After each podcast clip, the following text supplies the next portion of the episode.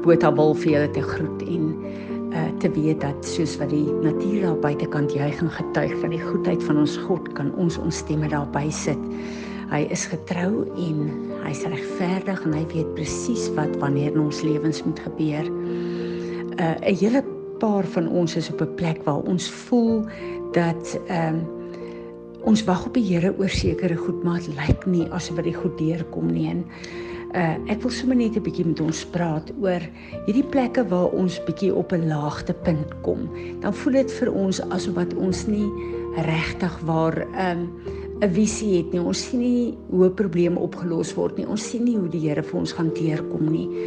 En ehm um, die Here wys vir my die die prentjie weer van die kruis. Daar is 'n skrif wat sê when Jesus be lifted up, he will draw people to him. En ek besef as ek en jy in 'n vallei is, in 'n laagte plek is, dan het ons nie 'n visie om ver te kan sien nie. Jy kyk meer net voor teen jou vas. Daar is nie 'n ver visie nie. So is dit ook met die kruis. Ek en jy moet na die kruis van Jesus kyk en ons moet besef dat hierdie is nie die eindpunt nie. Jesus se dood is nie die eindpunt nie. Dit is die deur wat oopgaan, die volmaakte offer is klaar afgehandel. Nou gaan die deur oop.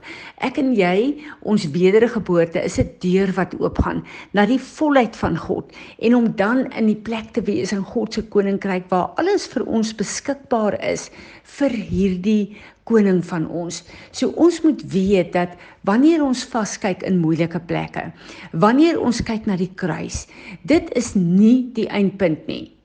Dit is eintlik net die deurgaan na ons destiny toe, na ons uh, breakthrough toe. En ek wil vanoggend vir julle lees uh, Jesaja 28 vers uh, 40 vers 28 tot 31. Do you not know? Have you not heard? The everlasting God, the Lord, the creator of the ends of the earth does not become tired and grow weary. There is no searching of his understanding. He gives strength to the weary, and he and to him who has no might, he increases power. Even youths grow weary and tired, and vigorous young men stumble badly. But those who wait for the Lord, who expect, look for, and hope in Him, will gain new strength and renew their power. They lift up their wings and rise up close to God like eagles, eagles rising towards the sun. They run and not become weary. They will walk and never grow tired. Ons moet weet dat God uh kan nie moeg raak nie. Hy kan nie uh afgemat raak nie. Hy uh is 'n bron van krag en voorsiening in elke situasie waar ek en jy is. Maar baie keer dan kom hy en hy sit ons letterlik op 'n plek en ons het in die vorige potpien daarvan gepraat waar hy sekere goeders uit ons uithaal En as ons kyk na hierdie hierdie arend, dan weet ons daar's 'n plek waar 'n arend letterlik verveer, waar dit lyk of niks in sy lewe aangaan nie. Maar sodra daai nuwe vere kom, is dit nuwe krag, nuwe visie, 'n nuwe seisoen in sy lewe. En dan kom hy en hy kan hoër vlieg en is vir my so goed dat hierdie hoër vlieg is letterlik, hierdie woord sê towards the sun, maar dat ons letterlik dan die krag van die Here kry. Ons is nie afgemat nie, ons is renew en dit is die plek waar ons met 'n nuwe passie kan stap in dit wat God ons geroep het om te doen. Ons moet dan ook weet op hierdie plek die woord die Hebreëse betekenis van hierdie uh, woord van he who waits upon the Lord. Dit is nie 'n passiewe plek waar jy sit en jy hoop dinge breek neer en uh, deur en jy sit en jy kyk met 'n 'n 'n moedeloosheid en 'n moegheid met na patrone en na onmoontlike situasies wat nie lyk of dit kan verander nie. Daai wag beteken jy worship die Here op hierdie plek. Jou oë is op hom. Jy bid, jy lig hom op oor jou situasie. Hierdie plek van wait beteken dat jy jouself so verbind aan God en dat jy bly in daai secret place dat God jou kan kom bekragtig, dat hy jou kan kom renew, dat hy kan kom doen doen in jou lewe wat hy wil doen vir jou nuwe seisoen. Baie keer dan kom die Here en hy kom al sekere goed uit ons lewe uit wat nie relevant is nie. Hierdie plek van wag is ook is daar goed verkeerd in ons lewe is sal hy vir ons wys wat ons moet repent. Maar op hierdie plek as ons ons oop hom hou, as ons hom eer in hierdie plek, hom aanbid in hierdie plek.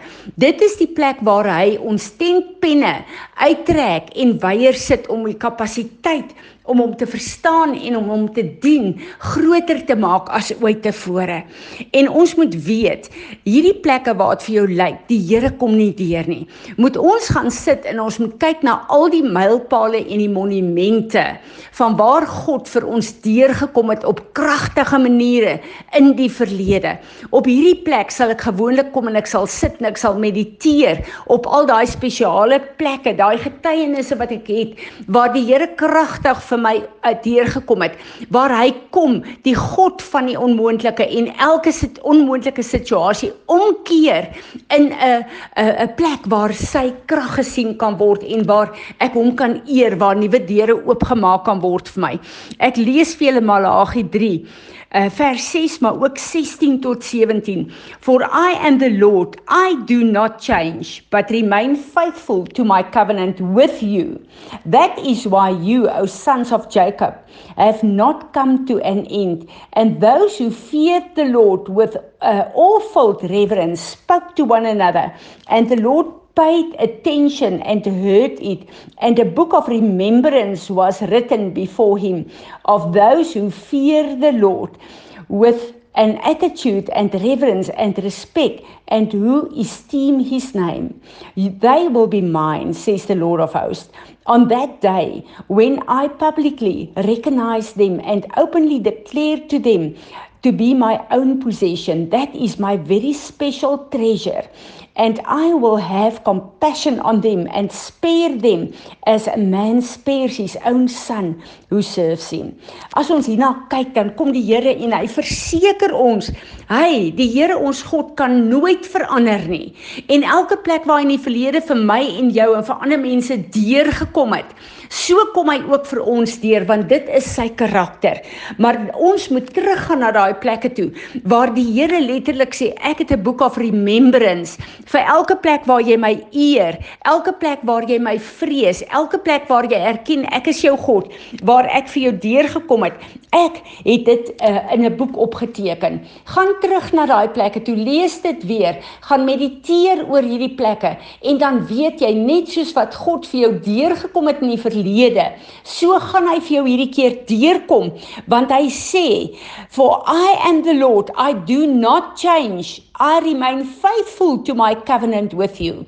Hy is die een wat 'n verbond met ons is. En ek en jy ons ontrouheid baie keer ons uh, klein gelowigheid baie keer, ons ongeloof baie keer beïnvloed nie hierdie God van ons nie.